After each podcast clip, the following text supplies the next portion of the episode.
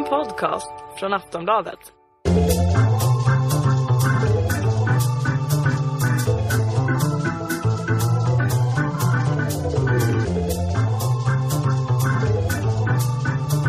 We don't need no education.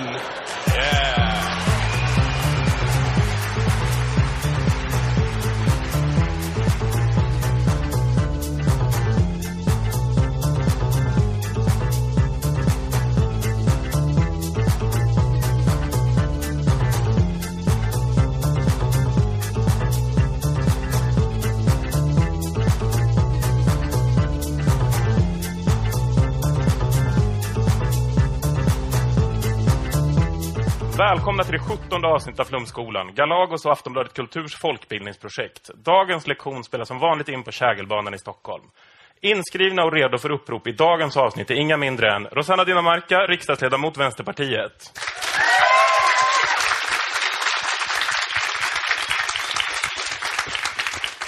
Julia Skott, journalist.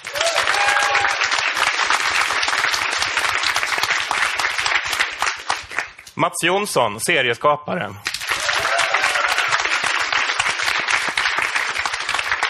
Och Emma Knyckare, komiker. Hej, hej! Och ständig studierektor här på Flumskolan är som vanligt jag, Johannes Klenell.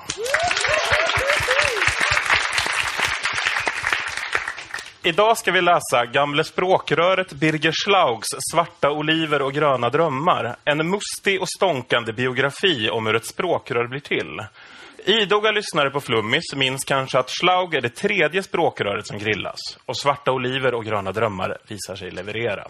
Schlaug är här både mer sexuellt frustrerad än Per Gahrton och betydligt mer pretto än Gustav Fridolin. Han inleder. Den här boken har däremot sitt fäste i personliga dagbokskommentarer. Därför finns det både mörka och ljusa stråk, stora och små händelser som på något sätt varit viktiga för mig. Plats för skratt. Äh, äh, även de stora utspelen och de mer eller mindre pompösa debattinläggen vilar ju i till synes små händelser, slumpartade tillfälligheter och mer eller mindre betänkta vägval som resulterat i att man faktiskt blivit den individ man är, på gott och ont. Hoppas du finner några korn de närmaste timmarna. Hoppas du får något att grubbla över och skratta åt. Hoppas du blir glad då och då och kanske förbannad ibland. Även det håller ju hjärtat igång.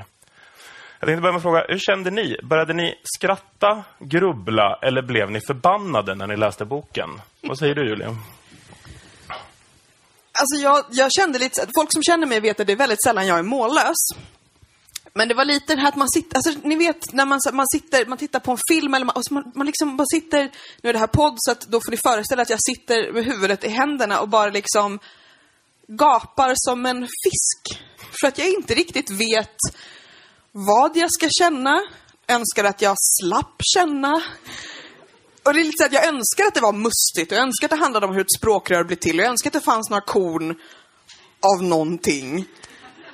Men det känns, alltså det känns som någon slags så här väldigt, väldigt lång, liksom, får man säga runkig i flumskolan? Det får man. Runkig historia som liksom aldrig riktigt når någonstans. Så. Ja. Vad säger du Emma? Jag skulle, jag skulle nog säga att i, i, i, när jag läste inledningen så fick jag en känsla av att han försöker göra politiker mer mänskliga, eller att han på sig det missionet. Men det som händer är ju tvärtom, att man känner så här, fy fan vad freakiga människor. Freaky, freaky, freaky. Och det är ju liksom, eh, det, det är ju verkligen att blanda och ge den här boken. Den heter ju eh, Svarta oliver och gröna drömmar. Och det är ju också det, det är liksom hälft, det ska vara hälften politik och hälften snusk, utlovar i titeln. Eh, och det är ju... Du menar alltså, svarta oliver och våta drömmar? Ja, alltså det är så mycket snusk i den boken. Jag önskar att det var snusk. Det är mer såhär, vi älskade. Hon tyckte nog att det var fint för jag är fantastisk i sängen. Ja, det är verkligen så, ja, det, är inte någon, det är inte så att det kåtar till riktigt när man läser det. Eh, men det är ju, ja, jag vet inte, jag, jag blev nog också mest chockad när jag hade läst, jag trodde, jag började räkna till slut, 28 sidor in i boken så har han redan fysiskt eller mentalt legat med sju kvinnor. Och då är han bara på sidan 28 och den här är 130 sidor lång, så ni kan ju tänka, tänka Alltså jag har, jag har en teori. Eh, Och i, i många så biografier, memoarer eller saker som ska vara så baserade på en sann historia så säger de ju ofta så här att här har vi amalgamerat vissa människor. Att så här, tre, fyra personer har blivit samma person för att det blir lättare att berätta så. Jag misstänker lite att det är tvärtom här. Birger Schlaug har legat med två kvinnor någonsin och i den här boken har han liksom sprängt isär dem i 50 kvinnor som alla har fått en enda egenskap och den är oftast att vara blond. Kan man bli stämd för det här förresten? Det vi får ju se. Ja. Rosanna, du är ändå riksdagspolitiker. Vad säger du? Vad menar du? Alltså jag har legat sömnlös vissa nätter eh, och funderat på vem är Birger? Vad vill han? Och, nej men, och lite kopplat till det du säger, du är riksdagsledamot. Eh, ja, man börjar fundera så här. Är man lika störd som alla andra som ni har haft här som har skrivit konstiga saker? Och det har också gjort att jag inte har sovit så bra. Vad säger du, Mats? Jag skulle säga att jag snarare än eh, beredd att skratta eller eh, fundera så blev jag mest bara lite provocerad. Eh, som, eh, jag menar, jag jobbar ju på förlag när jag inte ritar serier och det jag känner att det är en sån oerhört slapp produkt. Jag menar, bara när man skriver i, när man skriver i förordet, ja, här kommer det, ja, alltså, man har ändå skrivit en bok och ett stort förlag, Norstedts, har gett ut den.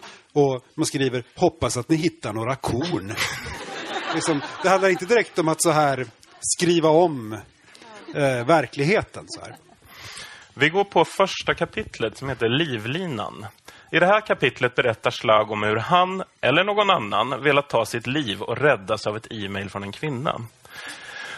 Det var då något fyllde rummet. Det var något varmt och dimmigt och tystnaden blev hörbar. Han hade känt det en gång tidigare, en vinterdag för drygt fem år sedan. Rummet hade blivit varmt då som nu.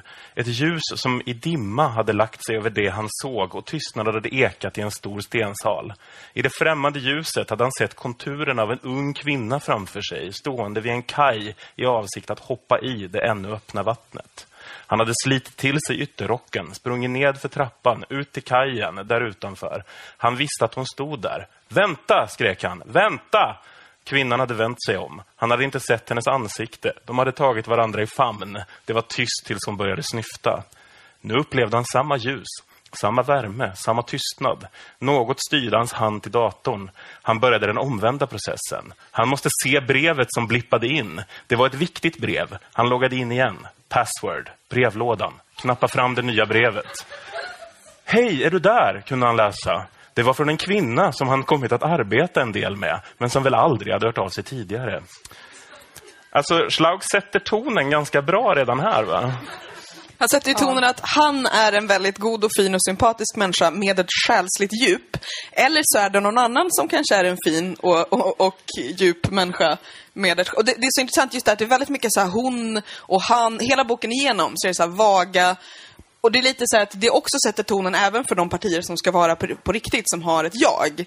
Att det är väldigt mycket så att för att det här är någon slags åminnelsedragelser och känslor och upplevelser så kan man aldrig beslå honom med att ljuga eller utan han hittar på massa personer så att, och jag träffade en klok liten flicka och jag träffade en man i skogen med en häst. Och det var det Eh. enda han inte låg med i hela boken. Häst. Kan man tillägga. Ja. Där det verkligen är så här, ja hästen är fin och bla, liksom, det är så mycket bättre att dra, dra timmer med, med häst. Och där man vet att, så här, att det här, allting är på något, alla de här människorna är retoriska grepp. Men ingen kan beslå honom med någonting därför att säga att det här, lite så han lägger tonen att säga att någon som kanske var en man, som kanske en gång fanns på ett kontor där det kanske fanns mejl. Det är liksom, Och det kanske var jag. det kanske var jag fast kanske inte. Alltså, nu tycker jag att du ger Birger lite mer cred än man förtjänar faktiskt. För jag skulle då vilja... Jag, jag menar, det här är så typiskt för den här boken. Som jag, jag tror att den här boken är en så kallad hårddisktömning. När man helt enkelt så här har då fått kontrakt med ett förlag, man ska ge ut en bok, deadline närmar sig. Man har liksom inte pallat. Man kanske älskat för mycket, vad vet jag. Ehm, och då, ja, då, man, då sätter man ihop en bok av det man råkar ha på hårddisken. Diverse gamla mejl, några krönikor, små dagboksfunderingar. Och det här måste ju då vara ett av utdragen ur hans roman som aldrig blev av. Det var ju också lite det här att allting är lite så här mitt i. Att, att allting är så här, plötsligt bara så är han med någon och så älskar de. Eh, de möts någonstans och så älskar de. Och de älskar och sen går hon till sitt bröllop med någon annan. Eh, och det är lite den här, också lite så här hårddisktömningen, typ om man tänker så här, väldigt många som skriver fanfic kan bara skriva sexscener. Eh, eller för den delen måste skriva så himla himla länge hur det går till när man faktiskt träffar han som spelar Harry Potter. Att man aldrig ens kommer till sexscenen för att det måste kännas trovärdigt. Man, liksom, man kan skriva en bit av, så att man just där skriver små snuttar. Och sen på så här fanfic-sajter är det okej. För att alla bara, "Ah, ge oss porren, det är lugnt. Vi behöver inte, så här, kom in och säg att du ska laga kopiatorn. Det är lugnt. Men så är det då fanfic, fast det är Harry Potter själv som har skrivit det. Det är också roligt för han, skri han skriver ju också så att han inte förstår sig på PC och IT och allting som är två bokstäver. Det är så kul då om han har tömt hårddisken och så det kom ett mejl. Så jag tänkte, jag, man får först liksom att Schlaug har lärt sig data överhuvudtaget för att kunna sexchatta då, som man gör i första, första kapitlet. Men det är också roligt, han skriver också att alla lever i förnekelse, utom han själv. eh, och, och det är ju liksom inte bara självgott utan också liksom helt befängt. Med tanke på det första kapitlet då, hur knasigt det är. Han avslutar det kapitlet med det här stycket. Hon blev luckan i hans natt och han fylldes med värme. Tiden har gått, men än idag kan han känna värme sekunderna innan han med sitt rationella jag ser att hon är på väg. Och förklara det kan han inte. Det bara är så. Och förresten, varför skulle det förklaras? Hon gillar ju inte svarta oliver. Nu går vi över till kapitlet Svarta oliver. Någon lever i förnekelse, oklart vem. Det vore så Är det mycket roligare alla sagt, han, Birger? följ, han fylls alltid av en liten värme när han trycker på kolla mejlen. I det här kapitlet, skrivet som en saga, träffar en ung Schlaug en äldre kvinna som spår hans framtid. Den innehåller, inte helt oväntat, kvinnor. Plötsligt satt han i hennes kök. Hon bjöd på läsk och bullar och han åtog sig att försöka sälja 50 nålar. Hon berättade om sin siarkonst, sin häxkonst som hon kallade det med ett litet skratt. Hon berättade att Jesus är symbolen för fantasin och att fienden är uritsen, symbolen för förnuft och teknisk makt. Fienden vill förvärldsliga den gudomliga visionen. De sociala orättvisorna påverkar oss negativt. De tvingar oss att ta itu med vardagens problem, med rätten till bröd. Vi glömmer bort andligheten. Vi krymper som människor. Vi låser in våra krafter istället för att släppa loss dem. Vi kämpar så för, att rätt, för rättvisa att målet för vår kamp blir materiellt. Kanske kommer våra kroppar att dränkas i överflöd och våra sinnen i underhållande förstörelse. Medan våra själar blir allt fattigare i det att vi låter oss tro att vi är förnuftiga. Men jag kanske tolkar framtiden fel och du tycker kanske att jag pratar konstigt. Alltså, var det alltså en häxa som formade Schlaugs politiska åskådning? Det är väl också det är spännande, det är, för det här är ju verkligen en, en tonårspojkes fantasier. Alltså, dels som kvinnor och spöken liksom och ligga med sin lågstadielärare. Men också, Eh, men också att han har en sån här metadiskussion som 17-åringar har med sig själv om kosmos. Och eh, han beskriver också där i allt den här röriga häxgrejen att, eh, att han verkligen inte tror på Gud, men att han ber för säkerhets skull. Han tror på en större makt. Alltså jag Liksom tänker på en grej. Och jag ska absolut inte säga att det här är fallet och jag ska inte säga någonting om, om Birger Schlaug. Men helt sådär apropå så kan det ju vara så att om man till exempel plötsligt går ner i vikt och när man var yngre rökte på väldigt mycket så kan THC som är en fettlöslig kemikalie lämna fettet och strömma ut i kroppen. Jag säger det här apropå inget särskilt alls. Men, Men man skulle, nej men alltså, det, det, det är verkligen så att det är så stora delar av den här, jag tror inte Birger Schlaug har väl aldrig varit egentligen varken särskilt tjock eller särskilt smal. Men det, alltså, det är ibland så att man börjar fundera på just så här, vad är grejen med de här Alltså, det, det intressanta är att han är på något sätt så många olika bitar av Flashback samtidigt. Alltså det är för att det är de här idéerna om kosmos och det är att vi måste prata om rasism och att vi måste prata om bögarna och vi måste prata om att ingen, att alla är i förnekelse utom jag för jag har förstått. Och, och det, är det är så fascinerande och, och alltså det är inte utan att det skulle komma, kunna komma så ett syltrecept någonstans mitt i. så att man kan veta hur man bäst bakar Birgers goda Men hallongrottor. men det skulle kunna vara. Ja, jag säger det. Det, Ja, skulle, det skulle precis, kunna ja. vara så här, Birgers goda hallongrottor, det är kapitlet Man undrar, man undrar vilket gräs det är han gillar så himla gott egentligen. häxan fortsätter i alla fall så här. Du kommer att ha långa relationer till kvinnor, sa han. En första är äldre och ni får barn och bryter mönster. Den andra är ung och ni får barn och bryter mark. Den tredje kommer alltid att vara en del av ditt liv och du kan aldrig fly från den. Du kommer att känna glädje, smärta och kärlek. Hur det går kan jag inte berätta, inte ens om jag såg det. Men ett vet jag, du behöver inte vara rädd. Tvärtom. Och vet du vad, sa hon. Och han vill minnas att han hörde ett litet fniss i hennes röst. Jag tror hon avskyr svarta oliver. Jesus är alltså symbolen för fantasin, Uritzen är fienden och Schlaug ska träffa tränne kvinnor. Tror ni han åt sju fat gröt till frukost också? Alltså det enda som saknas är att så här, en är äldre, en är yngre och en är alldeles lagom.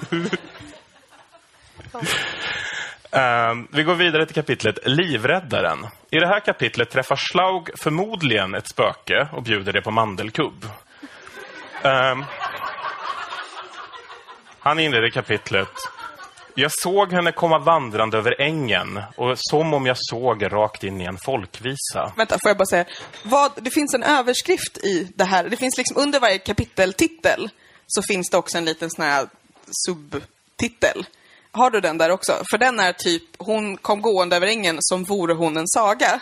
Och under det är första meningen, Jag såg henne komma vandrande över ängen som om jag såg rakt in i en folkvisa. ja, så, nej, det är folkvisa även, så det är liksom, vad- även, som sagt, någon redaktör borde vara lite så här, men du Birger, om du ska säga samma sak två gånger kanske inte behöver vara med två millimeters mellanrum. Och det Jag var, tänker det var också- det ändå Svante Weiler som, som gav ut den här boken. Som är ungefär den mest respekterade i hela förlagsbranschen. Så det är någonting som inte stämmer här. Men jag tänker också att nu går det ju att tro att det här är början på ett kärleksbrev från Björn Söder. Men vad är det här för jävla liknelse egentligen? Att vara med henne är som att lyssna på en folkvisa på en äng utan att bli det minsta trött. Men han gör ju lite sådana anspråk hela tiden på att vara någon slags... Eh, det är där jag, som jag, som jag funderar på vad han vill egentligen. Därför att det är så här, han vill vara poet, göra några vackra beskrivningar och sen så bara dimper det ner och börjar prata liksom om EU och sen blir det någon sexscen och sen är det... Alltså, så blir det tillbaka till det här poetiska igen, eller ambitionen att vara poet. Men han skriver ju också rena dikter. Han han har ju någon Ja. dikt med om en knolledikt eh, som är, där han blir så himla rörd av sig själv. Så han måste ta det en gång till. Så han skriver först dikt och sen, vi tar det en gång till. Ja, det är så jävla vackert. Han fortsätter där med Jag reste mig, gick ut i den lilla farstun, öppnade dörren. Hon fanns där inte. Jag gick runt huset, det blåste till och solen gick i moln. Jag ropade, ingen svarade. Jag gick in och hon satt vid köksbordet. Hon var vacker på det sätt som bara gamla människor med stolta fåror och rak rygg kan vara vackra. Hon tittade på mig, jag tittade på henne. Förlåt att jag gick in, sa hon, men jag ville så gärna se hur det ser ut nu för tiden. Det var här jag blev mördad när jag var barn. Jag tittade på henne, förmodligen med dumt gapande mun. Hon log, hon log vackert. Alltså vad är det som händer här egentligen? Känns Men har han inte väldigt många sådana här bizarra beskrivningar? För det är ju även så här när, eh, han, eh, när hans pappa dör. Så beskriver han honom som att han luktar urin och gammelman. Det är ju inga vackra beskrivningar. Allt det där, det är bara så här äckligt. Bisarrt. Och även det här, liksom så här jättehemsk historia och så blandar det här med något mystiskt. Det är ju sjukt, det är stört. Fast, fast på det sättet är det ju väldigt mycket folkvisa. Att den är liksom någon slags blandning mellan så här blommor och ond bråd död och bara, här är en jättefin sång om kärlek och blommor, men det är egentligen hur man gör abort. Grattis kul! Alltså liksom, så det Men är det är väl det här om pappan handlar väl också om aktiv dödshjälp. Att han alltså tar livet av sin egen pappa. Men att pappan lyckas ta livet av sig själv för att Birger har lurat han att det är Alvedon. nu dör jag. Tack för hjälpen. Det var Alvedon. Men, men jag får ju i största allmänhet känslan av att, av att Birger på ett mycket märkligt och valhänt sätt försöker bygga någon slags myt kring sig själv. Men, och han, men han, det, han gör det så konstigt så man blir bara förvirrad. Och sen får jag också känslan av att vad är det han försöker dölja? Att det ändå är någon slags självbiografi och en politisk idébok. Men han bara kommer med små korta glimtar från sin barndom. Men mest av allt så är det sånt här som att han träffar en häxa, han träffar ett spöke. Alltså, vad är det han har ersatt det med? Alltså jag tror att det är ingenting. Nej, men det är det jag tror också. Att han har ingen speciellt svår barndom eller så. Utan, för det är ju att, jag menar, boken börjar ändå med att han förmodligen vill ta livet av sig och kommer ganska nära. Men så man väntar ju hela tiden efter nå- några nycklar till varför han är så ledsen. Men tror, alltså jag tycker det verkar vara som att han har en tragisk barndom. Ja, men, jag, han jag vet vågar inte. Jag kan nej, men jag tänkte så här, jag läste en del var det då, där han eh, har börjat för ettan. Och typ det första han tänker på, det är hur det skulle vara att ligga med fröken. Då är man sju år gammal. Jag tänkte så här, jag kanske är jättepryd och liksom därför inte hade några sådana här tankar. Så jag var tvungen till att testa det här lite bland så här, vänner. Så här, hade du sådana tankar när du var sju år gammal? Och typ alla var så här, det måste ha hänt något. Ja, men ungefär hundra sidor senare dyker upp en sjuåring som läser Dagens Industri. Så hans syn på barn är väl...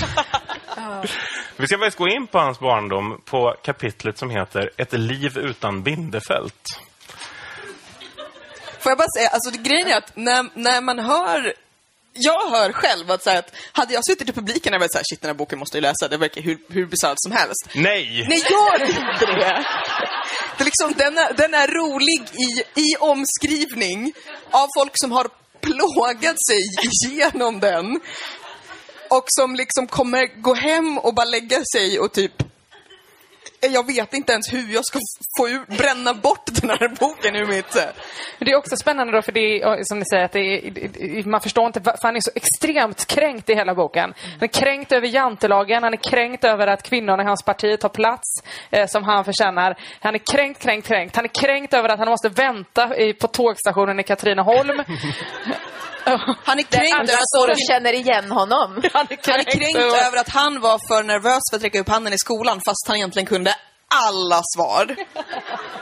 Han är kränkt för att kvinnor som han smygbjuder på smart, svarta oliver äter dem och därför visar sig inte vara kvinnan i den här uh, profetian. Men det är okej, därför då kan han dumpa dem och ligga med någon annan. Eller ligga med någon annan och fortsätta ligga med dem utan att säga någonting för att de gillar ju svarta oliver. Men alltså, du spoilar nu hela boken.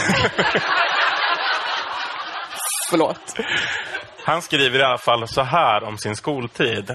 När det var dags för sjuan hamnade jag i Norra Latin och avskyn för skolan växte till gigantiska former. Betygen blev väl hyggliga, men det var inte skolans förtjänst. Jag hatade en del av lärarna. De var avskyvärda, misslyckade individer som hamnat på helt fel plats i tillvaron. Sådan var min åsikt i alla fall. Jag blev förälskad i Elisabeth. Hon gillade Elvis precis som jag, men hon var så ouppnåbar, aldrig kändes in rimligt ens att försöka. Men också värdelös och dum i huvudet.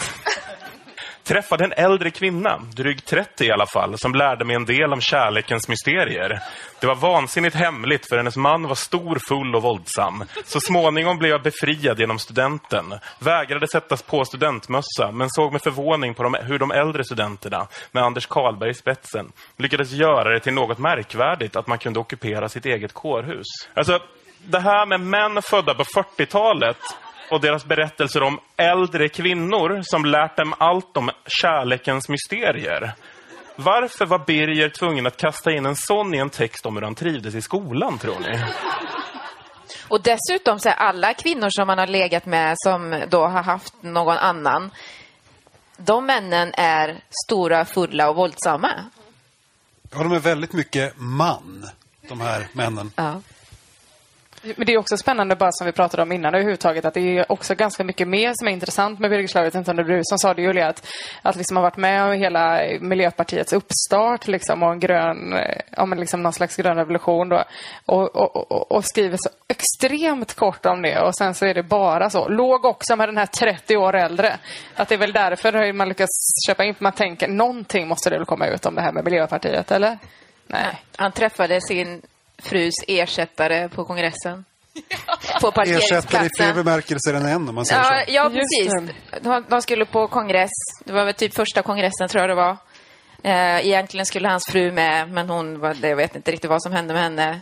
Det kom in en annan ersättare som hette på sam, samma sak som hans fru, Lena. De sågs på parkeringsplatsen. De möttes med sina blickar. De låg med varandra och fick barn. Man bara, va? Hände det här på parkeringsplatsen? Och Men för det den delen, så han träff, hur, hur hamnar han i Miljöpartiet? Jo, för att hans fru egentligen skulle engagera sig. Och så typ kommer han dit och bara så här, är så bra! Så han måste liksom få vara med. Men ändå så kommer det olika Lena och ta hans plats. Alla dessa jävla Lena. Det kunde boken också hetat. Han avslutar i alla fall det här kapitlet med en livsvisdom. Jag har lärt att det största som finns är något helt annat. Något som vida överskrider kungamiddagar, premiärer och gratisdrickande. Det är något så ursprungligt som att vakna en varm sommarmorgon, öppna fönstret, älska utan förbehåll och känna den absoluta tilliten till en annan människa. Och Bindefält är inte ens inblandad.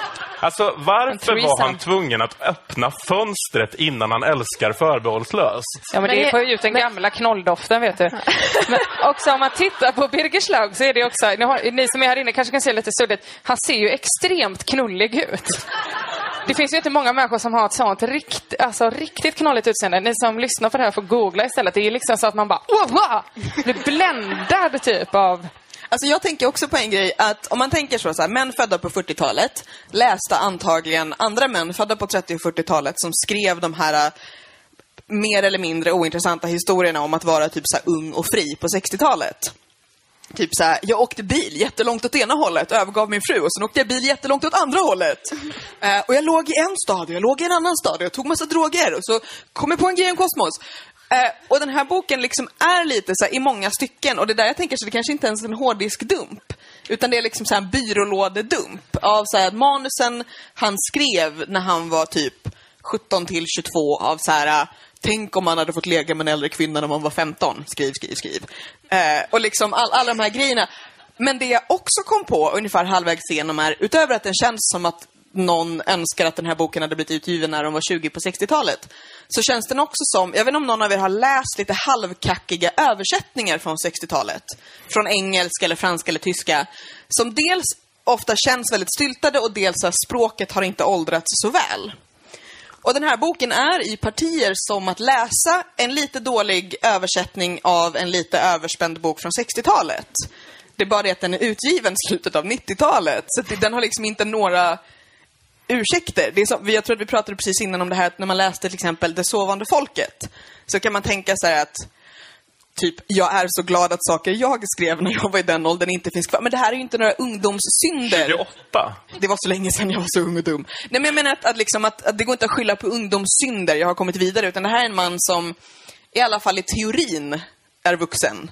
Som har liksom perspektivet av ganska många år från det han berättar om.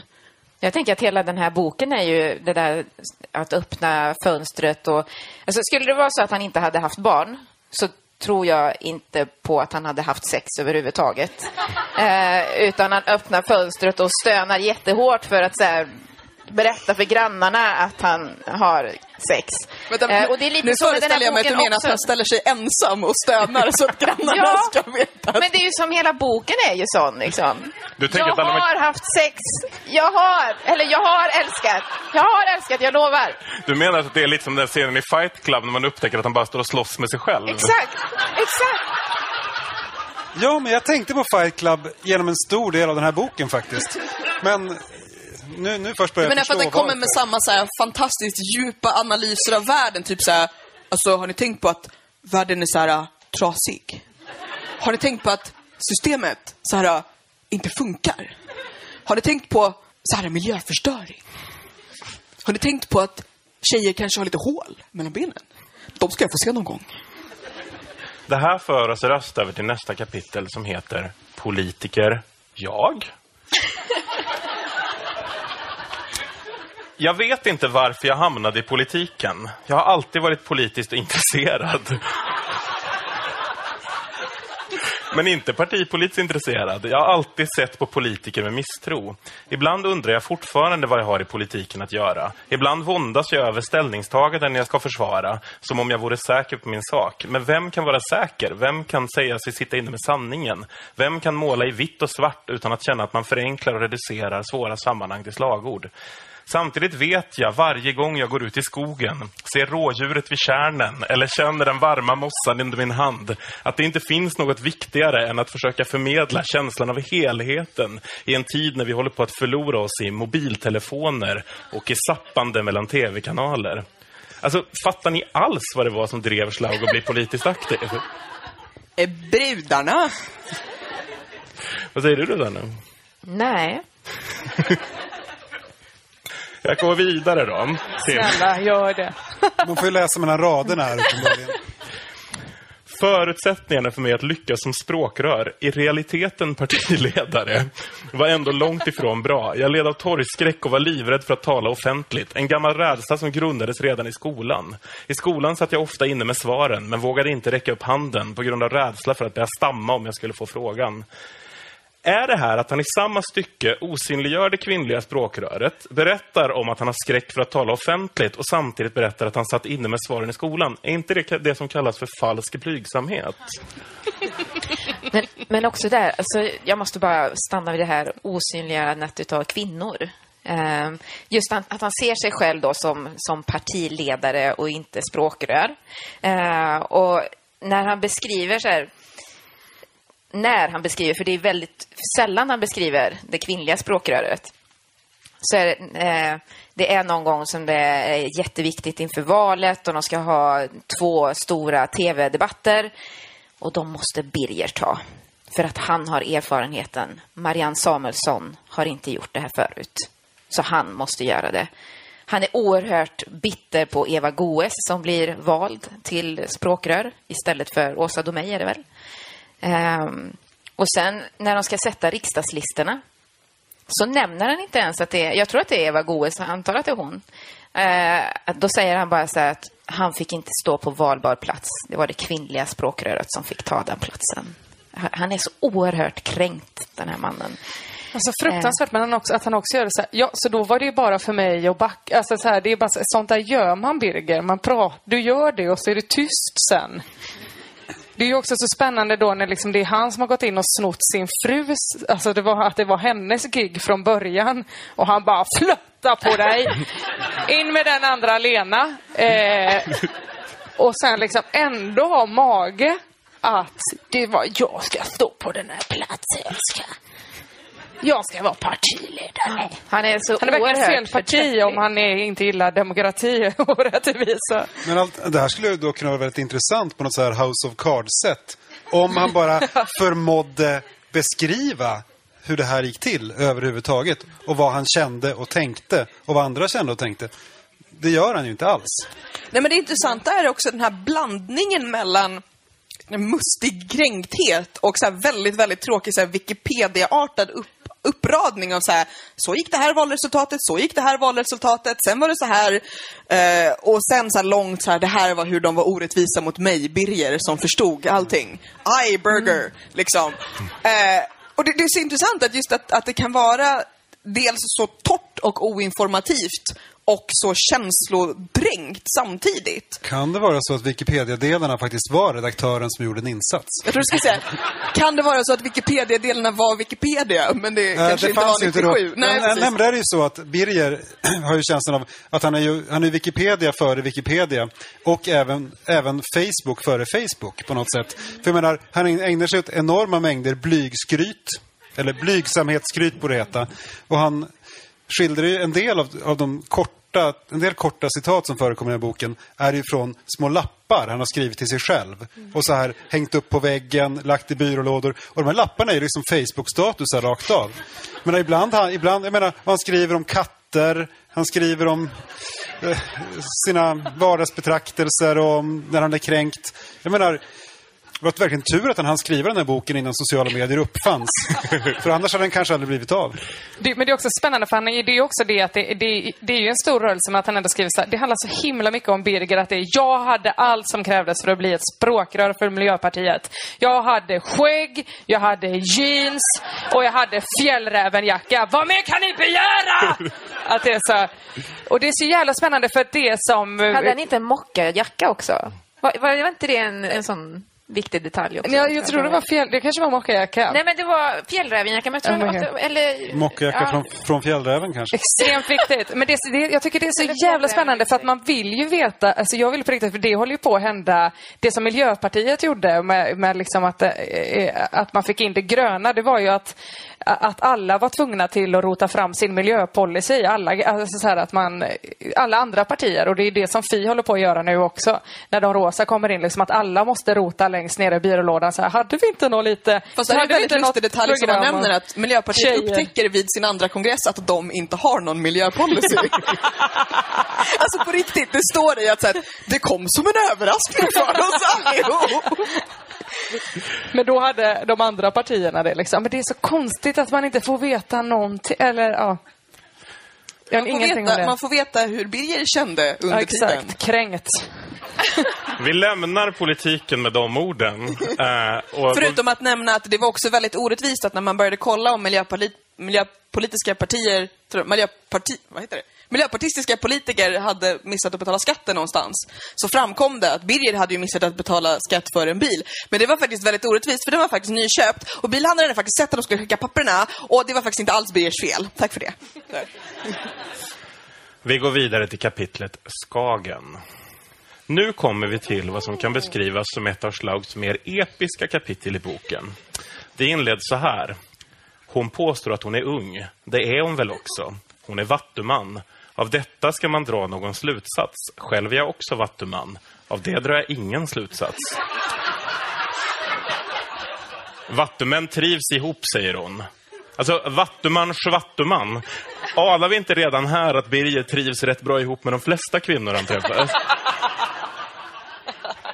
Så länge de är 10 år yngre eller 30 år äldre. Han själv är 15. Och blonda. Det känns så, tänker jag, skriver han. Men tänker sedan över påståendet en gång till och finner det befängt. Jag känner vattumän som jag inte alls trivs med. De är män, hon är kvinna. Han fortsätter. Hon är ung, påstår hon. I relation till vad? Till en man som är långt mer än tio år äldre kanske. Jag känner ingen åldersskillnad. Jag trivs bättre med unga människor än med jämnåriga. Kanske beror det på omognad, kanske beror det på nyfikenhet. Kanske beror det på att jag vägrar inse att år som läggs till år innebär åldrande.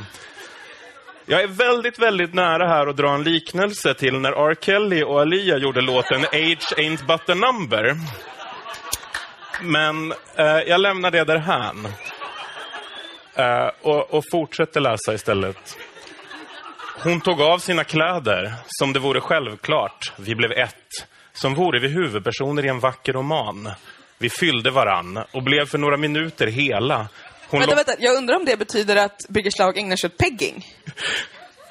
Förklara vad pegging är. Pegging är när män blir påsatta med leksaker av, för det mesta, kvinnor. Om de fyller varandra så måste de ju turas om. Och det är inte som att eh, Birger håller sig till jantelagen där. Utan... Hon låg kvar i den heta sanden, sträckte sig efter min handduk och fortsatte. Kärleken, åtrån, ömheten, renheten, självklarheten, ljuset, som vore det skagen, längtan, som vore det livet. Tvillingsjälar, säger hon. Vi är tvillingsjälar. Vattumän, fortsätter hon. Vattumän, vattumän trivs ihop, säger hon. Jag älskar dig, säger jag, som om jag vore ung. Ljuset, säger hon, som vore det skagen. Vi reser, säger hon. Vi reser, säger jag. Vi måste resa, säger hon. Jag vet, säger jag. Oh. Jag önskar hon vore den första kvinna jag mött och att jag vårdat kärleken som vore jag den skärva som gör henne hel. Som vore hon den skärva som gör mig hel. Vi älskade på stranden som människor väl aldrig älskat förr. Som om någon utanför gav oss av sin urkraft för att få bli född. Hon är vattuman. Tvillingsjälar, sa hon. Två eldar, sa jag. Vi kan bränna varandra, sa hon. Vi kan föröda vår omvärld, sa jag. Så skildes vi. Hon reste till sitt bröllop med en ung man i en ljus kyrka belägen på en strand som vore det Skagen. Jag undrar om hon hade sand kvar på sin rygg under bröllopsnatten. Om hon låtsades att det var mina händer som smekte hennes bröst den första natten.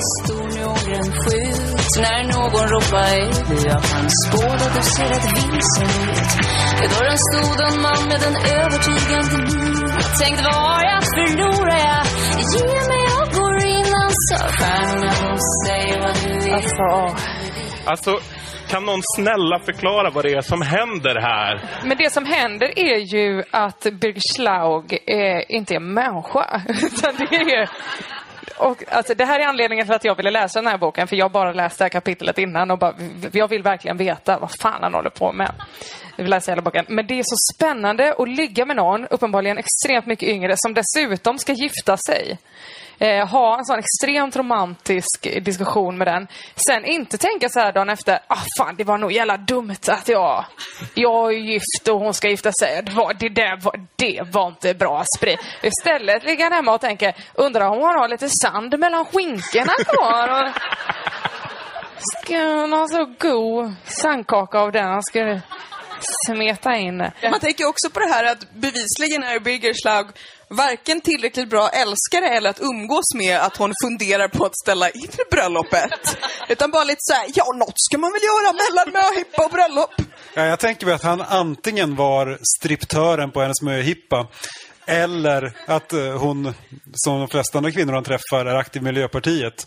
Och de praktiserar någon slags, någon slags droit de seigneur.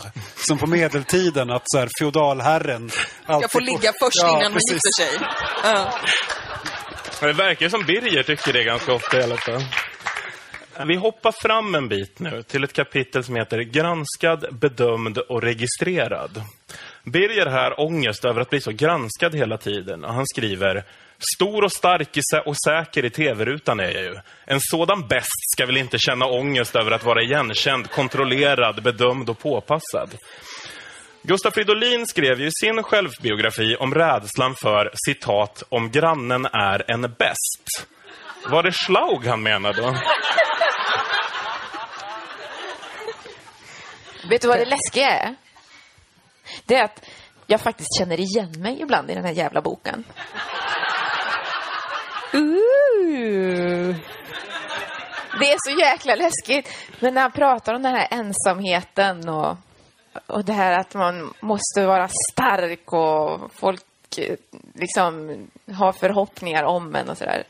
Så bara läste jag så jag bara, ja, jo, jag vet hur Du du, menar har det det, Birger. allmänmänskliga tillståndet? Gud, Jag var så himla rädd att det skulle vara det här med sanden mellan skinkorna.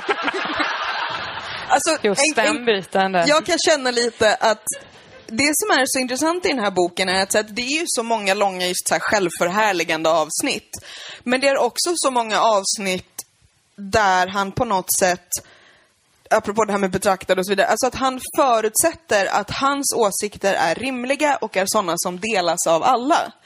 För det är lite roligt när vi håller på att diskutera så här, Birger får ligga, eh, Birger skriver extremt dålig fri vers. Men, men det är också så här långa är avsnitt där han liksom förklarar att, så här, att det var jättejobbigt en gång i Rom för att han satte sig på torget så insåg han att det var homosexuella där. Och tänk om någon såg torget och trodde att Birger också var homosexuell. Och den formuleringen, det sätter sig en man bredvid honom som pratar om sådan kärlek som vore den naturlig. Det här tycker Birger bara, gud alltså han sa, han menade typ att så homosexuella är människor också. Gud vad märkligt. Och förutsätter att vi som läsare håller med. Eller så ett, ett långt kapitel på typ 4, 5, 6, Nej 7 men vänta sidor. där, vänta där. För att det, grejen är att det händer en grej till där. När han sitter där på torget med den här mannen som kysser honom och då dyker upp, när det upp den här kvinnan som han eh, liksom tid, dagen innan hade träffat och som han tror, jag tror han, jag vet inte om de hade sex eller han ville ha sex med henne. Han ville bara ha sex med Han henne, ville ha faktiskt. sex, men så i det ögonblicket som han blir kysst av den här mannen så står hon där och tittar av en- och bara så här, Av en var bög. du sån? Ja. Och, och också så här långa avsnitt där han, han, pratar om den här tysta överenskommelsen mellan politiker och journalister om att inte prata om de sanna negativa effekterna av invandring och det mångkulturella samhället. I sju, åtta sidor. Vi måste ju prata om att det är dåligt. Eh, alltså det är liksom, det, det är på nivån så här, det uttalas inte men man vet att det här är samma man som man skulle hamna bredvid på liksom, någon släktmiddag eller någon jobbmiddag som skulle säga så här att nej men jag känner en kille från Turkiet, han är jättetrevlig. Men de flesta drar ju bara resurser. Och Nej, det- men han det- säger ju inte så... Alltså, grejen är att jag tror inte han skulle säga det där att han känner en som är, är trevlig sådär, utan för det finns ju en, del Jag kan i läsa boken. det nu kommer, faktiskt. Kommer du till Det kommer den? precis Okej. nu. För den är helt bisarr. Det, det är lite längre än så.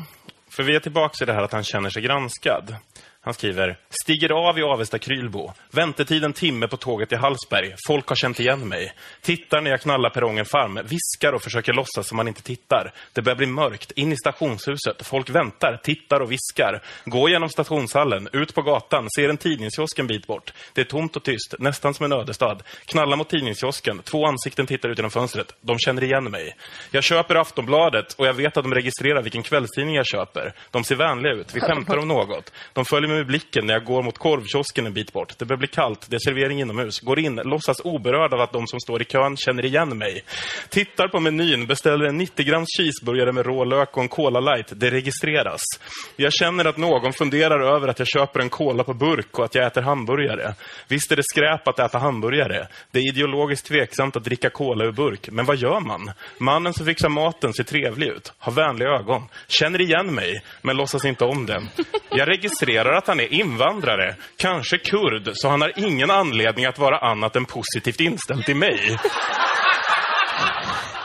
Det är så jävla sjukt. Jag läste, eh, just det här mindes jag, för att jag, blev rörd på riktigt, eh, eh, på riktigt nu utan att skoja, en gång i Birgers bok. Och det var, han förklarar rasism på ett väldigt fint sätt. Då skriver han så här. Rasism är en sorts kollektivistisk åskådning som bygger på tanken att vissa etniska grupper är intellektuellt, moraliskt och kulturellt underlägsna den egna gruppen och därmed är värda mindre respekt. Och det tyckte jag var så här, ganska bra beskrivning av rasism. Sen kom Och sen upptäckte du att den fanns på Wikipedia. Nej men sen också bara, just det, det här med kurden som inte kunde göra någonting annat än att vara positivt inställd till bild. Alltså det är så sjukt att han inte ens reflekterar över sina egna, sina egna tillkortakommanden på något sätt. Det kapitlet skulle kunna heta Jag tror att jag är Olof Palme. Men jag tänkte rätt mycket på det, för jag minns, jag minns ju Birger Schlaug när, liksom... 97 var jag 18 år gammal. Jag var ändå hyfsat politiskt medveten. Och jag kunde inte se skillnad på honom och programledaren för Trafikmagasinet. Och i och för sig, du skulle väl ha tittat lite extra om Trafikmagasinets programledare kom också. Ja, men frågan är hur många som skulle ha gjort det misstaget snarare än att tänkt där går Birger Schlaug. Helt apropå ingenting så kan THC också göra en paranoid. Jag bara säger det apropå inget särskilt. Jag tänker ju också att, att det här är verkligen sånt typfall när man kan köra det här roliga tricket byta ut första person mot tredje person. Att det istället för jag går fram till korvkiosken skulle ha stått Birger Schlaug går fram till, till korvkiosken. De känner igen Birger Schlaug. Birger Schlaug köper Aftonbladet. Ja, för känns det inte lite som att den som mest av allt registrerar Birger Schlaug är just Birger Schlaug? Som sagt, man undrar vilket gräs det är han gillar egentligen. Men, men han får, I det här rasistkapitlet, där han pratar om rasism, så skriver han också så här eh, precis efter. Blir djupt förvånad när jag någon enstaka gång möter aktiva miljöpartister som talar som, som om man kan döma människor utanför deras samhörighet med något sådant etniskt kollektiv. De måste ha hamnat fel på den politiska marknaden. Det, det är ju så konstigt, för det är ju exakt, det är ju han som har hamnat så helt. Att det är just eh, alltså, exakt detta, eh, att alla lever i förnekelse utan han själv. Man undrar. Men om, om vi bara kunde prata fritt, eh, om det bara fanns någon som vågade säga att det var negativt med invandring och mångkulturellt samhälle. Om det bara fanns någon, då, då skulle ju samhället vara mycket bättre, tydligen. Ja, för då hade Ny Demokrati aldrig tagit sig in i riksdagen. Och ni tror att det här är ett skämt, men det står i boken. Att om vi inte bara hade sopat under mattan sanningen om invandring och mångkulturellt samhälle, då hade inte Ny Demokrati kommit till makten. Fast det är inte det väldigt intressant, för han säger ju aldrig vad den där jävla sanningen är för någonting. Utan han säger bara att det finns en sanning som ingen pratar om, och sen så pratar han inte mer om Alltså det. jag går tror att det är, massinvandring gör att det blir liksom procentuellt sett färre blonda kvinnor att ligga med. Man måste liksom sortera mer för att hitta fram till dem. Fel sorts folkvisa menar du? Vi går vidare till, apropå det faktiskt, bara kapitlet Bara en stund till. I det här kapitlet får vi en inblick i Schlaugs syn på den moderna kvinnan. Han skriver Kvinnor tycks vilja ha mjuka män med rikt känsloliv samtidigt som de vill ha någon som kan stoppa en jordbävning med bara händerna. Var ska vi då placera oss på skalan? Nära den ände där Ragnar Dahlberg är? Eller närmare den ände där Rambo finns? Vi ska i vart fall inte vara som våra fäder. Det har vi fått höra till förbannelse. Alltså, känns inte Schlaug väldigt mycket som den där sortens man som desperat efter ett par snapsar på midsommarfesten utbrister Jag är också feminist, jag älskar ju kvinnor! Men det är ju många sådana där grejer. Alltså att, eh, det är någon beskrivning där de, de är väl i bastun och dricker öl och eh, liksom får leva ut sina, vad säger han inte, gorillabeteenden? Eftersom de ju är så nedtryckta i att behöva vara jämställda och det här jobbiga jävlar att de inte ska få vara man liksom. Det, hela boken skriker så här, jag vill vara man. Samtidigt som man ju också är så här att, ja men jag är, just det, jag här är en bäst. Men han är ju också intellektuell. Eh, han är intelligent och han är intellektuell. Det framgår bland annat när han är på resa och pratar med en man vars kvinna bedrar honom med en akademiker med mjuka händer. Och Birger vet inte riktigt hur han ska hantera detta eftersom det är han som är mannen som den här kvinnan har sex med. Så att Birger är ju egentligen den, den kompletta mannen. För att han är, han är en bäst och han är underförstått väldigt bra i sängen. I alla fall har han legat säkert flera gånger.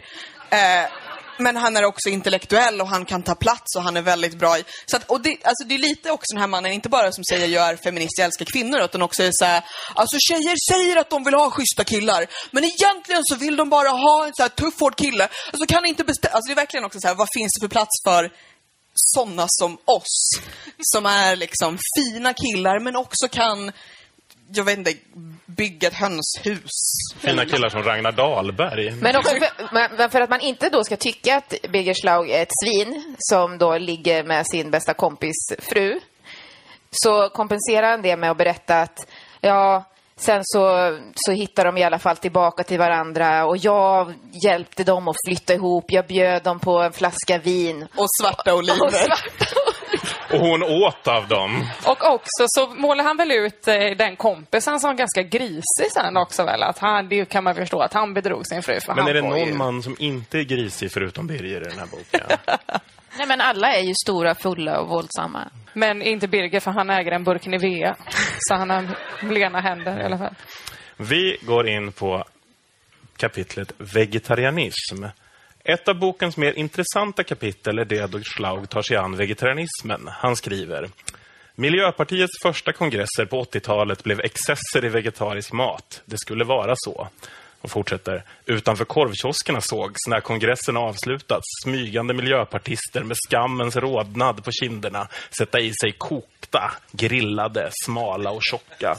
Alltså varför tar Birger upp det här? För han ligger ju med en vegetarian. Ja. Det är där. Men jag tycker att det är helt självklart varför han tar upp det. Men eh, i förordet utlovar han trots allt skratt. Och eh, det här är väl det, här är väl det första, så här, liksom, första gången man kan tänka i boken, man kan tänka skratta med honom, inte åt honom. Alltså jag, det är också den här grejen att, alltså jag har ju också, jag har också varit politiskt aktiv i ett ungdomsförbund där man också så här, det var ett principbeslut att alla gemensamma aktiviteter skulle vara vegetariska. Alltså en kongress är väl max typ, vad kan den vara? Max en vecka om man har otur. Eh, Den är väl bara några dagar? Ja, för det mesta är det liksom Det var ju en vegetarisk aktivitet. Det är så vegetarisk bugg. Nej men geme- alltså det skulle, det skulle serveras vegetarisk Ja. mat på gemensamma läger och kurser och så vidare. Och det är lite så att, alltså fyra dagar, alltså om det inte är så att det enda man får äta är rovor, så klarar man sig i fyra dagar på sätt, och till och med om kocken är dålig, så kan man nog klara sig hem till korvkiosken i sitt eget kvarter istället för utanför kongresssalen. Så det här handlar ju om att Birger gillar kött. Och Birger vill förklara att, så här, att ja, nej, alla ni lever inte heller som ni lär. Eh, jag tror att det här betyder Birger gick ut och åt grillade, kokta, tjocka, smala. Så att det var Birger som sågs utanför. Ja, men det är så märkligt där, för det är också sån här, den här gubbiga så här, åh, vet ni att eh, vegetarian, det är indiannamnet för eh, dålig jägare. Ha, ha, ha. Men han är ju också så bitter, måste man ju tänka. Att, och, och jag tycker, jag tänker också så här, han visar ju väldigt tydligt på hur det här partiet som nu eh, bildades söker en identitet, liksom. Det är fjällrävenjackan och det är skägget och man måste vara vegetarian, liksom. Min, min favoritgrej är också när han berättar att det är tack vare honom som de ändrade reglerna så att man får ha kofta vid högtidliga möten i riksdagen. Och när du ändå är inne på riksdagen så är det ju så att eh, Miljöpartiet har ju också bidragit med en annan sak där. Berätta. Eh, inne i riksdagen så har vi en liten bassäng. En liten rund pool. Inte i liksom vid talarstolen. Nej, i nej, i en en annan annan, del av en annan byggnaden. del av byggnaden. Eh, Den har bara riksdagsledamöterna tillträde, eller vi som jobbar där. Eh, Och där finns det ett påbud där det står att man måste ha på sig badkläder när man är i poolen. Det här påbudet kom efter att Miljöpartiet kom in i riksdagen.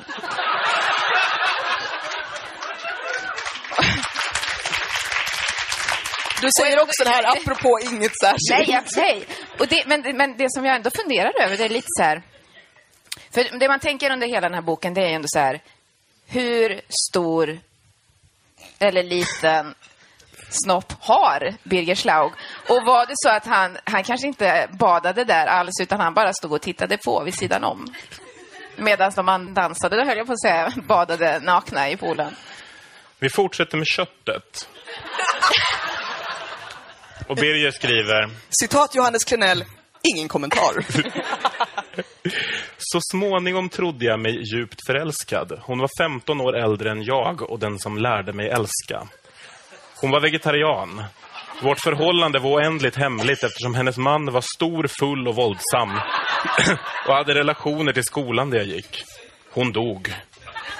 När vi dansade till någon låt med Miles Davis i ett rökigt rum. Hon var vegetarian och absolutist, men hon dog ändå. Och vem skulle vilja dansa efter det? Alltså, på en skala från 1 till 10 på Guilt by Association-tabellen.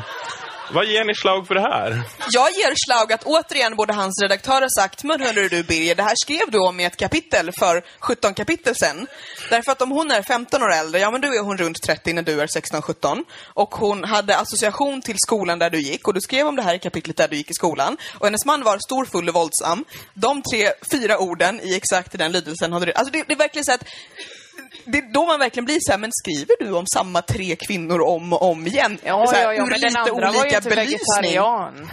Men i, Bi- alltså, i Birgers den här vanföreställda världen han eh, lever i, så är det, är det, menar han egentligen då att han dog, eller hon dog, på grund av den ofantliga njutningen som han gav henne? Eller avsaknad av njutning för att hon inte åt kött. För han skriver så här sen. Men vegetarianerna verkade inte må bra. Möjligen mådde de bra innerst inne, men det syntes inte utanpå. De var dystra och gråa till skillnad från bullrande och skrattande köttätare. Men han fortsätter här. Han, han, tar, tar ändå det här lite, lite längre. Jag hittade dokument som knappast talade till hälsorörelsens fördel. Nazisympatierna var uttalade och Hitlers tes om friska och sunda A-barn kittlade uppenbarligen många. Hitler var för övrigt så närsynt att hans manuskript var skrivna med stora bokstäver att han slapp använda glasögon. Till de skulle ta loven av talen om A-barnen. Undrar om det gamla hälsopolket visste det. Men vegetarian, det var han. Alltså, nu dog ju Hitler också. Men på en skala från 1 till 10 på kasta omotiverat in Hitler i mixen-tabellen. Hur många poäng är ni slag Ja, men här? det är ju att dra det lite för långt och se- vi drar parallellen till nazism för att man inte äter kanin. Det får man ändå säga. Nej, men, och sen, jag gillar också det här, jag hittade dokument. det, då, är vi, så här, då är vi tillbaka på så här, vilka bitar av Flashback. För det, är så här, det finns dokument som, dels här, att är det någon som inte har hört att Hitler var vegetarian, som en så här, argument för eller emot olika saker, jag vet inte riktigt. Eh, men det är så här, hitta dokument, precis som man också säger att i ett helt kapitel ger sig av på någon slags dans om att det är eh, ondskefullt och onaturligt med alla former av fertilitetsbehandlingar för snart kommer vi sätta in människofoster i grisar och så vidare. Och jag ser hur någon så här skakar förvirrat på huvudet. Jag kände ungefär likadant. Och det är, också, det är lite samma sak så här. Jag, jag läste, läste en grej. Så här, jag hittade dokument.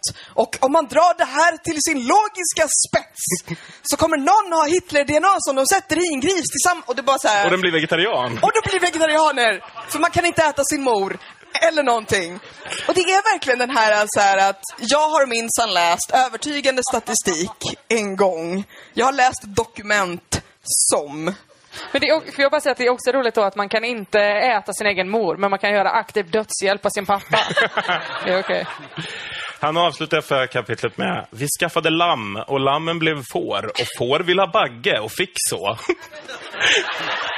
Jag hoppas att han menar ett annat får. Jag hoppas så innerligt att han pratar om ett mansår. Det blev lamm och lammen sköts, floddes och styckades i garaget efter sina fina somrar. Tårarna vällde när avtryckaren gick. Och sedan tittade barnen misstänksamt när lille Castro grillades till Luciafest. Ja men det är väl också det ja, att det är så här, eh, eh, ja men dels så här, man kan inte vara vegetarian för att man är nazist, eh, men vi åt i alla fall bara svinbra kött. Skrev han inte där också? Men att han... vi åt bara glatt kött. Glatt kött, ja. Som man fraktade på någon tågvagn och åkte i sovkupé med en halv ko och såna grejer. Ja, från, så från värt är Åre det. eller något. ja. Rann blod på golvet, men det är det värt. Men däremot att gå in i livsmedelsbutik och se charkuteridisken, det är ju Med fruktansvärt. de plastförpackade ja, köttbitarna. fy. Då är det bättre med förresten att SJs det kan, det kan läcka plast in i mat och så vidare och så vidare? För det har Birger läst en gång. Det står faktiskt inte i boken. Nu är det bara jag som helt och hållet hånar honom. Jag ber om ursäkt. Vi går vidare till kapitlet Livslögnen. Här pratar Slag om lögner, hur de används både i det privata och i det politiska. Han konstaterar att vi skyller på försenad buss eller tåg när vi valt att ägna mer tid åt att älska på morgonen än vad det fanns tid till. Vi skyller på att ha blivit förförda om det avslöjas att vi varit otrogna. Dessutom påstår vi att det inget alls betydde, trots att det var just vad det gjorde. Alltså, börjar ni liksom jag känna en viss matthet inför Slags förmåga att pressa in ett älska i princip vilket sammanhang som helst? Älskar som en bäst. Du menar att han skulle kunna sagt vi ljuger om en buss när vi försov oss, punkt slut på meningen? Ja. Jag har alltså Men det min måste ju varit så himla pinsamt för Miljöpartiet. Den här, alltså de måste ju varit så, nej, nej, nej, nej, nej. Åh gud. Alltså typ som när man skäms över sina föräldrar, att det verkligen är, uh, alla utom barnen Wahlgren. Alltså det måste ha varit så pin, det måste vara så pinsamt för alla inblandade. Alltså, jag tänker också så här, tänk om man är någon så här halvung miljöpartist när den här kommer så här, någon gång på 90-talet, det var 97, 98 97. någonting. 97. Eh, om man är och bara, gud vad intressant, nu ska jag få veta om hur det gick till när Miljöpartiet och bara och sitter där och bara någon gång, ungefär som vi, någon gång måste det väl komma i den här boken någonting om Miljöpartiet. Men och, så, och så är det här också till skillnad från oss. Jag inser nu när jag sitter här och inser vad vi pratat om, jag hoppas att jag aldrig träffar Birger Schlaug. Eh, men att veta så här, det här är en man jag eventuellt kommer träffa på en kongress om x antal månader och så ska jag titta på den här älskande människan. Han kommer stå där uppe och jag kommer bara tänka på sand mellan skinkorna. Medan sa inte, försöker... sa inte Gud, eh, vad heter han, eh, Gustav Fridolin att Birger Schlaug var anledningen till att han gick med? Man undrar ju om det han gjorde det före eller efter boken. Alltså nu måste vi börja forska lite. Kan vi hitta något dokument som säger när Fridolin Fast rimligen var Fridolin, 97 var Fridolin väl typ 13, 14. Ja, men det var väl då typ han gick med? Alltså jag hoppas Och verkligen att han inte läste Det den kanske här var boken. den här nioåringen som läste Dagens Industri. Alltså, jag- det var boken. Jag känner att att läsa den här boken måste vara minst lika skadligt för en ung pojkes sexualitet som all porr i världen. Alltså, Men också om, eh, om miljöpartister får ligga så mycket, då får de faktiskt börja betala för roset i Almedalen, känner jag. De behöver inte, det finns folk som behöver det bättre faktiskt. Nej, men jag, jag kan backa lite, för Gustav var ju med här i Flumskolan och pratade om sin bok. Och Då sa han bland annat, ja, jag har i alla fall inte skrivit om att älska på en strand. Och, eh, jag tänk- då lite bland vissa dokument som då är Gustav Fridolins bok. Och Han skrev i sin bok i, Från Vittsjö till världen att det har blivit med demokrati som med sex. De som pratar om det mest är det som gör det minst. Eh, det tog vi upp i det avsnittet. Och Fridolin tyckte väl att det kanske var lite pinsamt. Men det, och han förnekade då lite Schlaugs bok. Dock verkar viss inspiration från språkrör till språkrör ha smugit med sig. här. Schlaug konstaterar nämligen att jag hävdar att det blivit med IT som är sex. Det som talar om det mest är det som aldrig gör det.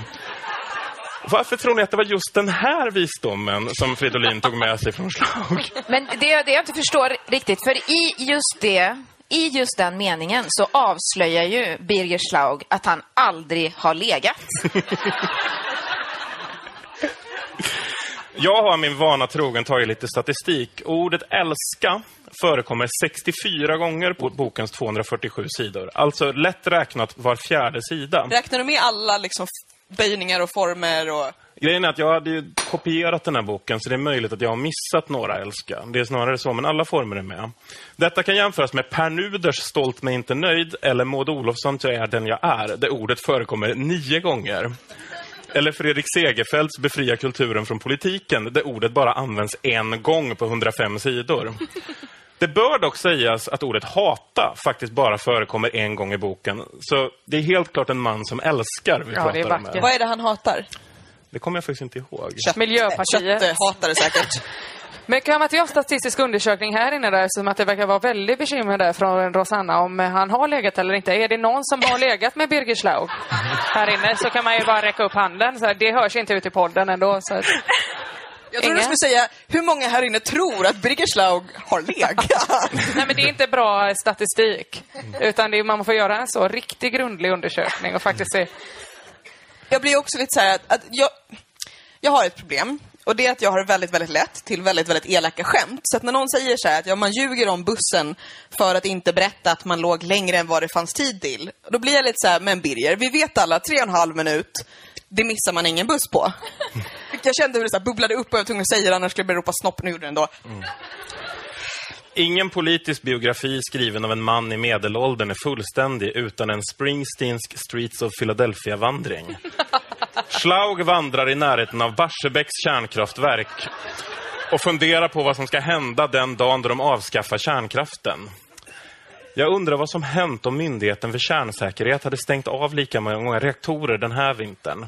Ransonering hade förmodligen införts. Många hade fått stänga av några rum i sina villor, krypa närmare varandra, älskat mer. Alltså, till och med nedstängningen av kärnkraftverk. Finns det någonting alls den här mannen inte ser som lite sexy? Precis, om man lyssnar, och när man lyssnar på den här podden då kanske man tycker så här, gud vad de är buskis. Men det är faktiskt så mycket snusk i boken. Så att det inte Jag säger igen, liksom- jag önskar att det var snusk. Åtminstone, nej det önskar jag verkligen inte. Men om det åtminstone hade varit det, istället för bara den här liksom någon slags den här, ja men rosenskimrande. Och det är att det är inte ens som en tonårspojke föreställer sig sex, utan det är som en stereotyp tonårsflicka föreställer sig sex för att det är det enda hon någonsin har fått lära sig. Vi kommer att mötas på en äng. Vi kommer att älska. Ja, Sen är det lite oklart. Han avslutar i alla fall den här funderingen med Det är säkert varmt och gott i husen där borta. Vi går ganska fort på stranden. Vi har hyrt en stuga, ätit rökt lammstek, älskat och levt. Vi har eldat i den öppna spisen och legat nakna på fårfällar och lyssnat på Beatles och lagat mat och vandrat i blåsten. Men är han Dr. Quinn?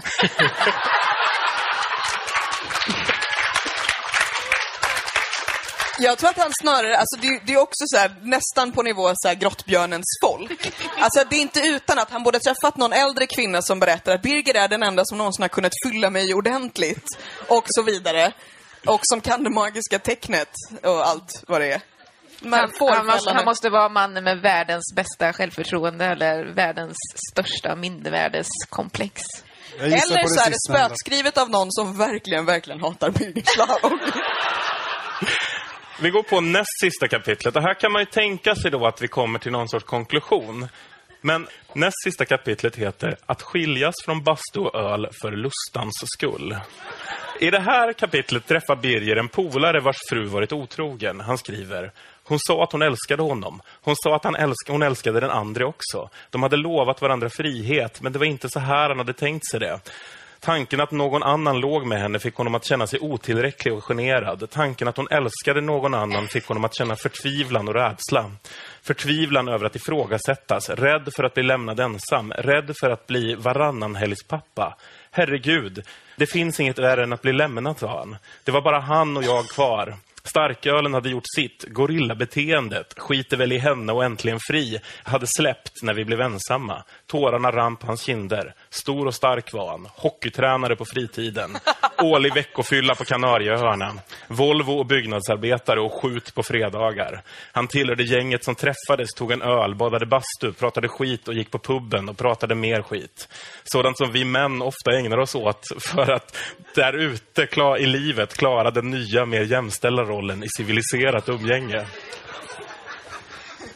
Han fortsätter. Jag satt där och teg. Jo, jag förstod. Hon hette Sonja och jag var den andra. Vi älskade en månad, sen var det inte mer med det. Och lusten och åtrån förstörde vänskapen, bastun och ölen. Och han blev varannanhelgspappa och hon blev ensamstående mamma. Och staten fick betala bostadsbidrag. Jag kände mig som förlorare. Som om jag var ihop med att ta ifrån någon gudstron. Det tog fem år innan de flyttade ihop igen. Jag hjälpte till vid flytten. Sällan har jag gjort något mer meningsfullt och konkret. Sällan har jag mått så bra. Jag bjöd på vin, bröd och sallad med svarta oliver. Hon åt av dem. Alltså, vad är Schlaus grej med gifta kvinnor? Alltså här är, här är vad jag tänker. Det här är den enda kvinnan i boken, förutom existerande politiker, som får ett namn. Av alla kvinnor som Birger Schlaug ligger med i den här boken, och de är, ifall ni inte har lyckats gissa Två det, Lenor. ganska många. Två Lenor, men de är ju så att säga, liksom, de vet man vilka de är, därför att han, han lever ihop med dem och skaffar barn. De går att identifiera. Alla andra kvinnor han ligger med är anonyma. De är som sagt helt ointressanta och egenskapslösa. Men här är en kvinna som han har legat med som var gift. Han vill att någon ska veta att han har legat med den här andra mannens fru. Varför ger man den? om man är så här att jag har legat med min kompis fru, hon heter Sonja, hon bor på Kråkvägen 14. Alltså det är verkligen så här att det är så bisarrt att den enda kvinnan som får någon som helst identifierbar egenskap överhuvudtaget är en som igen lever ihop med någon han känner ganska väl. Men han känner väl att han kan unna sig då eftersom att han ändå hjälpte till med den där flytten och liksom drog sitt så. Då är det väl jämnt eller? Jag, tänk, jag tänker att Birger, så här, han bar två kassar och sen drack han jävligt mycket öl och gnällde på hur ont han hade i ryggen. Drack upp den där flaskan vin själv. Det var en god Och idé bara, alltså, jag bjöd på svarta oliver. Hon borde ha petat ur dem för att visa att det var hon som var den. Det skulle då bara vara en dimridå där med att han skrev ut hennes namn. För då kan ju alla andra kompisar han har vars fruar han har legat med andas ut och tänka Ja, det var Sonja! Men det här att Schlaug verkade gett sig själv ett oändligt frikort att dumpa kvinnor för att en häxa sagt till honom som barn att hans blivande livspartner kommer hata oliver. Vad säger det oss om honom egentligen? Ja, men det är väl logiskt. Eller? Man får ju tyvärr känslan, alltså jag, jag försökte ju ändå under stora delar av boken ändå uppamma någon slags sympati för honom. Eh, jag är ju trots allt den inkvoterade medelålders mannen i den här panelen. Eh, så jag borde ju kunna känna igen mig lite grann på något sätt. Men tack och lov så gör jag inte det. Nej men att han... Eh, att han... Eh, jag försöker känna sympati men det är väldigt svårt. Just därför att han skildrar allting så oerhört platt och tvådimensionellt. Som det här du just läste om hur gorillabeteendet när han blir full med den här kompisen. Men sen också att allting känns oerhört tomt. Allt känns tomt och platt. Det är som att det bara är staffagefigurer som rör sig bland scenografi på något sätt. Och därför undrar jag om han antingen är någon slags alien som landat på jorden eller psykopat eller bara hittar på. Jag hoppas och tror att han bara hittar på. Avslutning. Alltså- Ja. Jag, jag vill nog tillbaka till barndomen igen. Ehm, därför att det var en, en grej som jag kom på som jag glömde bort förut. Eh, han har ju också en farfar. Som eh, han beskriver... Ja, men då så. Men han beskriver ju honom, den här farfaren, som han, han har ju hundra barn och med alla möjliga och det dyker upp så här nya släktband eh, från den här farfaren. Eh, och han beskriver ju farfarns beteende i att han ligger runt med massa som den frustande manligheten. När Och försöker- män var försöker- män. Och... Ja, är det inte den han försöker leva upp till? Men så kan han inte det, så han fantiserar ihop allting. Så att han kan vara som sin farfar. Ja, men är det inte exakt det, det, det som blir då? För att han, där säger han ju ändå att farfar är en hårbock och lägger ändå lite skuld på honom. i Sådär. Men Alltså, han tar i alla fall hand om barnen som han avlar. Han, han avlar Ja, just det. Ja, men precis. Men att just det, ö- återigen, att alla andra lever i förnekelse, men inte jag själv, utan det är liksom alla andra har ett vidrigt beteende. Sen nästa kapitel. Jag gör exakt samma grej fast när jag gör det så är det härligt. Ja, men det, det är lite också av den här... eh, Jag är en modern och medveten man. Ni kan inte lägga era liksom, borgerliga normer på mig. Eh, och mitt beteende för att jag gör det här utifrån en frigjordhet och liksom en Mm. Och jag frihet. vet ju att det är fel egentligen. Nej, det är ju inte fel för det är ju, det är ju bara, jag älskar ju bara. Ja, det är meningen med livet. Slänga upp fönstret och älska hämningslöst. Och det är också lite det här så här att, alltså det, ju, li- det känns ju väldigt mycket så här att jag är polyamorös, det är bara det att min fru inte vet om det. Ja, men han är ju, han på, är, sam- han på samma sig... sätt som också den här diskussionen när, det är lite, det är lite lustigt, alltså man undrar också så här, vilka av kapitlen är egentligen skrivna ur omvänd synvinkel? Så är det Birger Schlaug som egentligen har så här, öppnat förhållandet med sin fru, men det är jobbigt när hon ligger med andra? För det var ju inte alls meningen.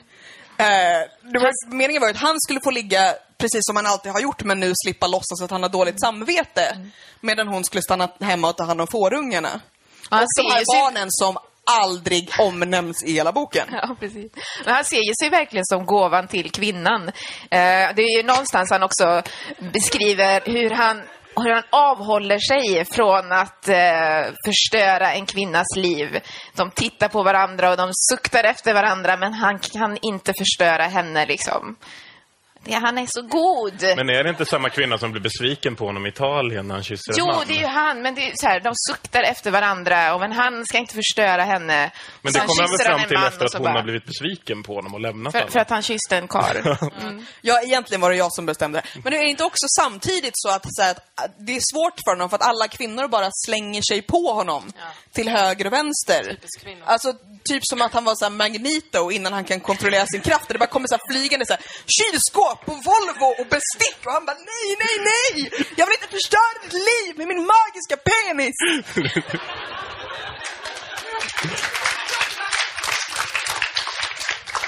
Avslutningsvis skriver i alla fall Schlaug. Jag vill inte bli gammal. Tiden lapar i sig den utmätta tiden och det är bråttom att älska. Bråttom att ge och bråttom att få. Bråttom att vara närvarande. Bråttom att hitta det som måste vara mer än det som är. Tankarna och bilderna flyr in i längtans hav. Jag omsluts för ett ögonblick av hennes nakna armar. Ser hennes ögon långt där ute i mörkret och kan känna hennes lätta skratt mot min hud. Hon finns någonstans där ute. Kanske tittar de på samma stjärnor. Kanske möts våra blickar långt där uppe. För att avsluta det här. Vem tycker ni ska läsa den här boken egentligen? Jag trodde du skulle fråga, vem är kvinnan som förtjänar Birger Schlaug? Han har inte hittat henne än. Är han inte fortfarande gift med Lena? Ja, Någon av Lenorna. Enligt, rat, enligt ratsit.se så är han fortfarande gift med Lena. Men någon Lena. Så kvinnan han ska tillbringa sitt liv med har han fortfarande alltså inte träffat? Jag tänker att man, jag var tvungen till att göra en, alltså att skriva ner hela boken i punkter bara för att försöka förstå den. Alltså bara bena ut, så gjorde jag en recap av hela boken. Eh, fattar fortfarande inte. Fattar fortfarande inte. Men jag tänkte att jag kan dra den för er om ni vill så att man slipper läsa boken. För jag tycker att ingen ska läsa boken. Så om man har lyssnat hela podden så var det jävligt onödigt för man direkt att man lyssnade på slutet. Alltså jag, jag kan ju säga att när Johannes frågade mig, jag var shit gud vad roligt, Flumskolan, jätteroligt. Och sen började jag läsa och bara, skulle jag kunna typ få halsfluss väldigt lägligt? Så jag kan sluta läsa den här för jag vet att jag tänker ljuga ungefär den 26 maj och bara, alltså jag kan inte vara med i podd, det är jätteledsamt. Skulle verkligen vilja. Emma? Ja, nej, men jag kör den eh, från början till slut. Exakt detta innehåller boken. Från början till slut. Eh, försöker ta livet av sig. Blir kåt. Börjar chatta. Blir ännu kåtare. Fantiserar om kvinna poäng. Eh, tar inte livet av sig på grund av sexigt incestspöke. Äter mandelkubb, dödar sin pappa. Fantiserar om att ligga med sin lågstadielärare. Ligger med en 30 år äldre kvinna istället. Ligger med Lena. Tänker på en släkting som var en horbock. Ligger med en annan Lena. Drar slutsatsen att knulla i livet. Drar slutsatsen att han har kvalifikationer som språkrör. Skägg, jeans, fjällrävenjacka. Kastar skit på jantelagen. Står i riksdagsdebatt. Det här blir spännande i politiken. Blir sugen på salta kex och knulla. Påstår att livet uppstod i Ockelbo. Påstår att elallergi är en sjukdom. Blir extremt rörd över en dikt han själv skriver. Skriver en dikt till om knulla. Ligger med kvinna. Funderar på om hon har sand mellan skinkan. Har en Vem är jag-dialog med Kosmos och sig själv. Träffar en häst. Träffar en tant. Träffar ett barn. Äcklas av en bög. Ligger med en vegetarian. Äcklas av en gammal människa. Slut. Helt omöjlig. Det är inte sammanhängande kapitel. Det är det inte. Men det var lite politik där i alla fall med när han står i riksdagen och, och tänker på salta kex och sex. Eh, Och det är ju faktiskt hans förtjänst att man numera får ha kofta på sig i riksdagen, i Men att man inte får bada naken. Det var du som sa det, inte jag.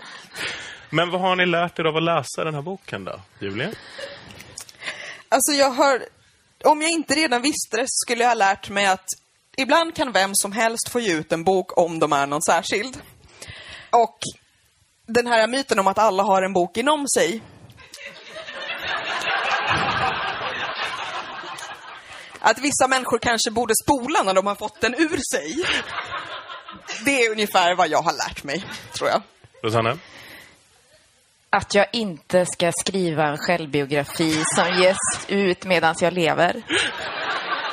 Eh, men också, kanske inte vad jag har lärt mig, men jag funderar ändå lite på så här, vilka är det jag omger mig av i riksdagen? Jag menar, ni har ju haft ganska många böcker här nu. Den här besattheten hos Per Nuder för sin pin, som är helt sjuk. Fridolin som eh, döper sin dotter efter sin hund. Maud Olofsson som tvingar sina medarbetare att sjunga allsång. Vem är jag?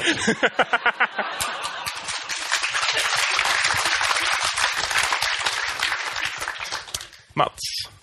Ja, med risk för att eh, vara lite taskig mot Birger så eh, har jag väl insett att jag faktiskt inte kan känna empati med riktigt alla. Jag trodde det. Det finns en gräns. Och jag lärde mig också att, att Birger faktiskt var lite mer av en föregångsman än vad jag trodde. Inte så mycket då genom den gröna politiken som i den gröna dubbelmoralen. Att han påminner mig faktiskt på ett sätt ganska mycket om mig själv. Och om den här typiska, liksom, vad ska man säga, Hägerstensvänstern. Och det är att redan 1997, för 17 år sedan, så levde han enligt det här epitetet att man ska ha allt. Att man ska minsann sitta där i skogsgläntan och möta rådjurets blick. Man ska tänka på kosmos och stora saker och vara en fin människa. Samtidigt som man ska ha skinnställ och braka runt på sin MC. Man ska hata IT och samtidigt vara besatt av eh, att kolla sin mail. Man är liksom... Man lever för miljön och för en hållbar utveckling samtidigt som man flyger till Afrika och så här hänger lite grann i byn med fiskarna innan man åker hem igen. Uh, ja, han är helt enkelt uh, Hägersten 2014, 17 år för tidigt.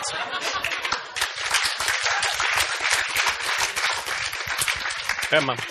eh, det enda jag lärde mig av den här boken är att bli lesbisk.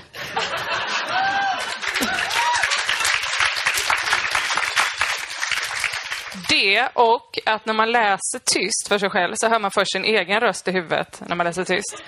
Och efter en stund, när det blir för tråkigt, då börjar man höra Kattis Ahlströms röst. Som får väga upp tråk. Det lärde jag mig, det lärde jag mig också. Jag är väldigt glad att jag har tillräckligt lite relation till Birger Schlaug att jag aldrig hörde hans röst i mitt huvud under att jag läste den här boken. För det, nej, alltså, nej, då, nej, nej. Är det någon som vet hur han låter? Fin, finns det som ljudbok, frågar mig. Älskar men kvinna. Hoppas han inte är skåning. Nu tänker jag på, det finns en fantastisk Saturday Night Live-sketch där de ska illustrera hur Madonnas sexbok läses in av Sean Connery. Som vägrar säga vissa av de fula orden och hur de får så här klippa ihop när han säger typ P och tushy för att det ska låta typ som pussy. Så jag, men jag tänker så här, så traumatiskt att läsa in den här boken och behöva verkligen så här, ge den med känsla. Man kanske kan lyssna på den som är det ljudbok som är ett hjälpmedel? Det läses in så neutralt och känslolöst som möjligt. Eller så som det är, bara att när det blir för tråkigt så blir det ändå Kattis Ahlströms röst. Så det får bli så, jag minns hur vi älskade på en strand och hon fick sand i rumpan. Och så fortsätter det bara i samma tonläge hela tiden. Jag har i alla fall lärt mig att grön politik är nära knuten till svart magi. Att spåkonst är den ultimata dumpningsstrategin och att du alltid kan kasta in Hitler i mixen när du just skjutit lille Castro. Med de orden ber jag ge panelen en varm applåd. Ett stort tack till Julia Skott, Mats Jonsson, Rosanna Dinamarca och Emma Knyckare. Och ett stort tack till er i publiken. Flumskolan är slut för idag. Stanna jättegärna kvar och ta en öl efteråt.